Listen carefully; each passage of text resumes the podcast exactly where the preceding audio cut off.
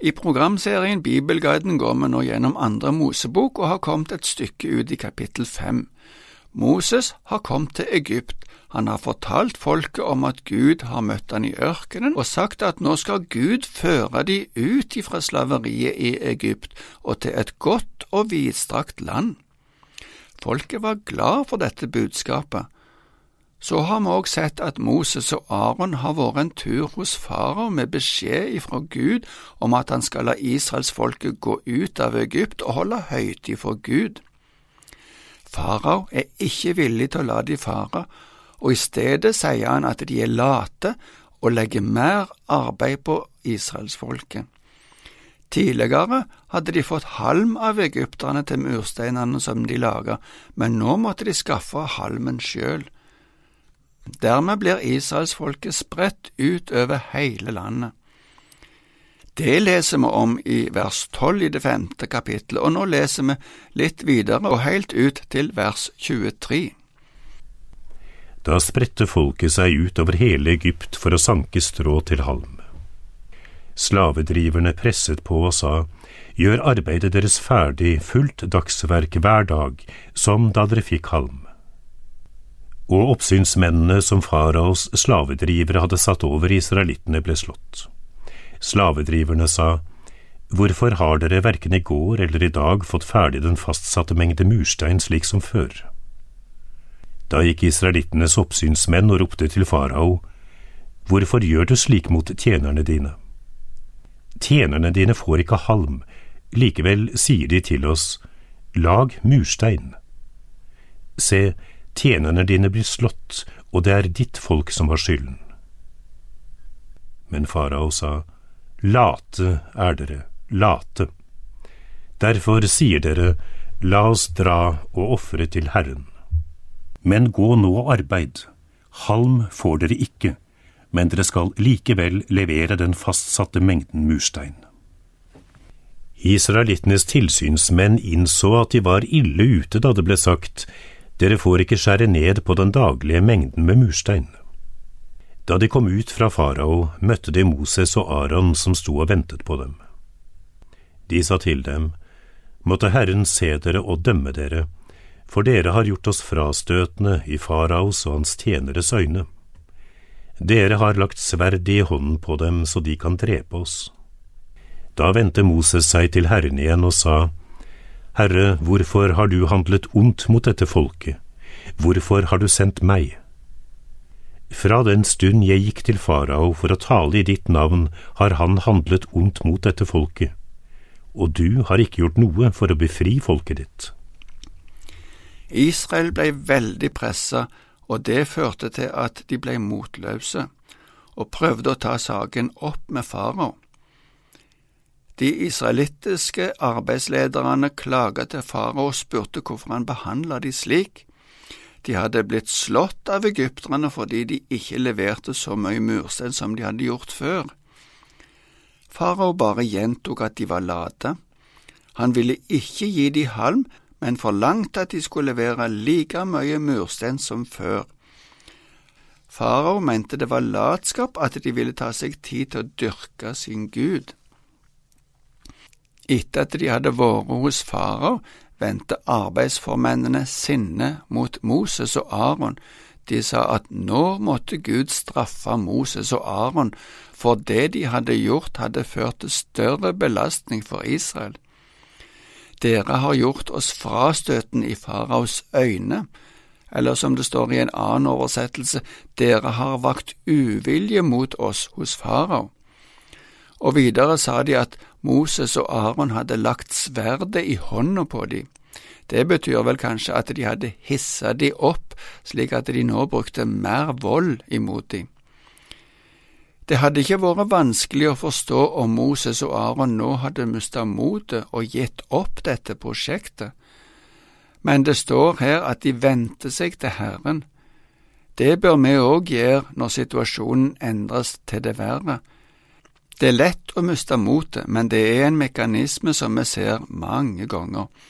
Når fienden føler seg trua, blir han mer aggressiv. Likevel ser vi at det er fortvilelse i henvendelsen ifra Moses til Gud.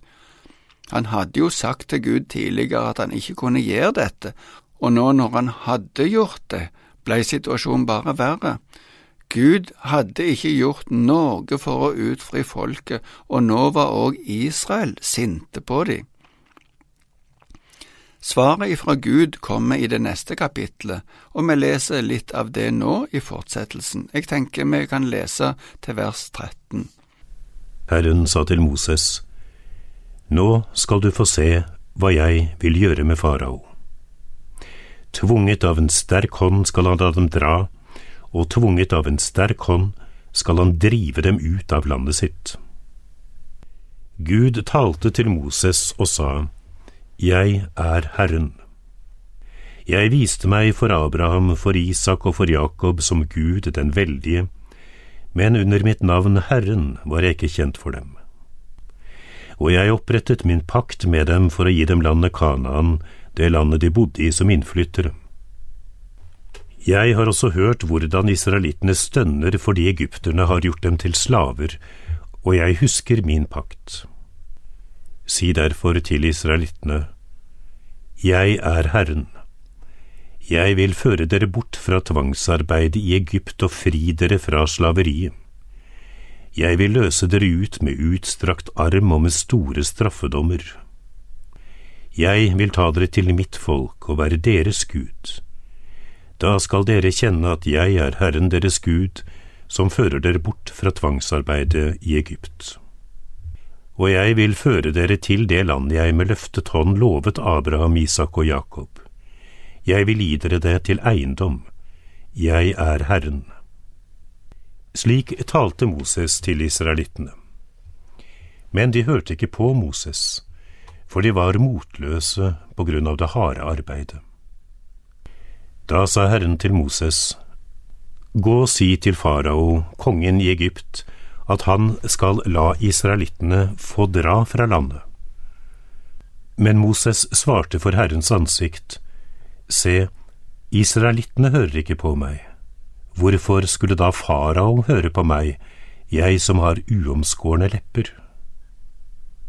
Så talte Herren til Moses og Aron og sendte dem til israelittene og til farao, kongen i Egypt, med befaling om at Israels folk skulle føres ut av Egypt.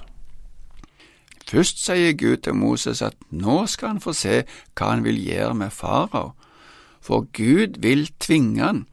Han skal få oppleve at Guds hånd er sterk, dette ble sagt til Moses for å oppmuntre han, for Gud hadde ikke begynt å gjøre noen ting ennå.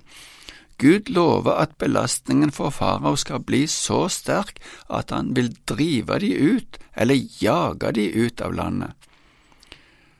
Moses hadde blitt motløs etter opplevelsen hos farao den første gangen, men Gud sier dette til han for å oppmuntre han til å fortsette. I svaret ifra Gud, som går ifra vers to til åtte, begynner og slutter han med utsagnet Jeg er Herren. Her er det snakk om at Gud presenterer seg med sitt hellige navn.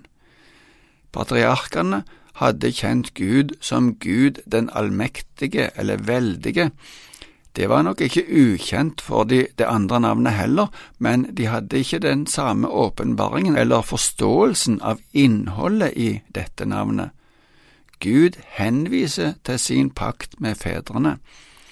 Gud har hørt hvordan israelittene stønner under slavearbeidet, og nå sier han igjen at han vil føre de ut av Egypt, og til det landet som han hadde lovt Abraham, stamfaren deres.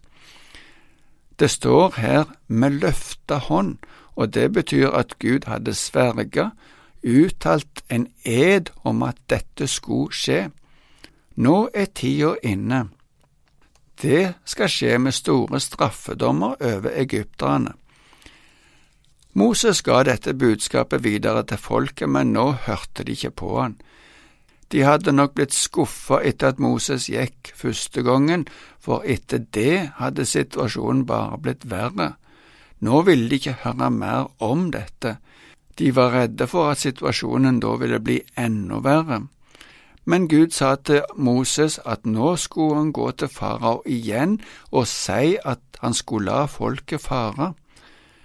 Men Moses svarte Gud at det ville jo ikke nytte, når ikke engang israelsfolket hørte på, hva var det da grunn til å tro at farao ville høre, for farao hadde jo ingen respekt verken for dette folket eller for deres Gud.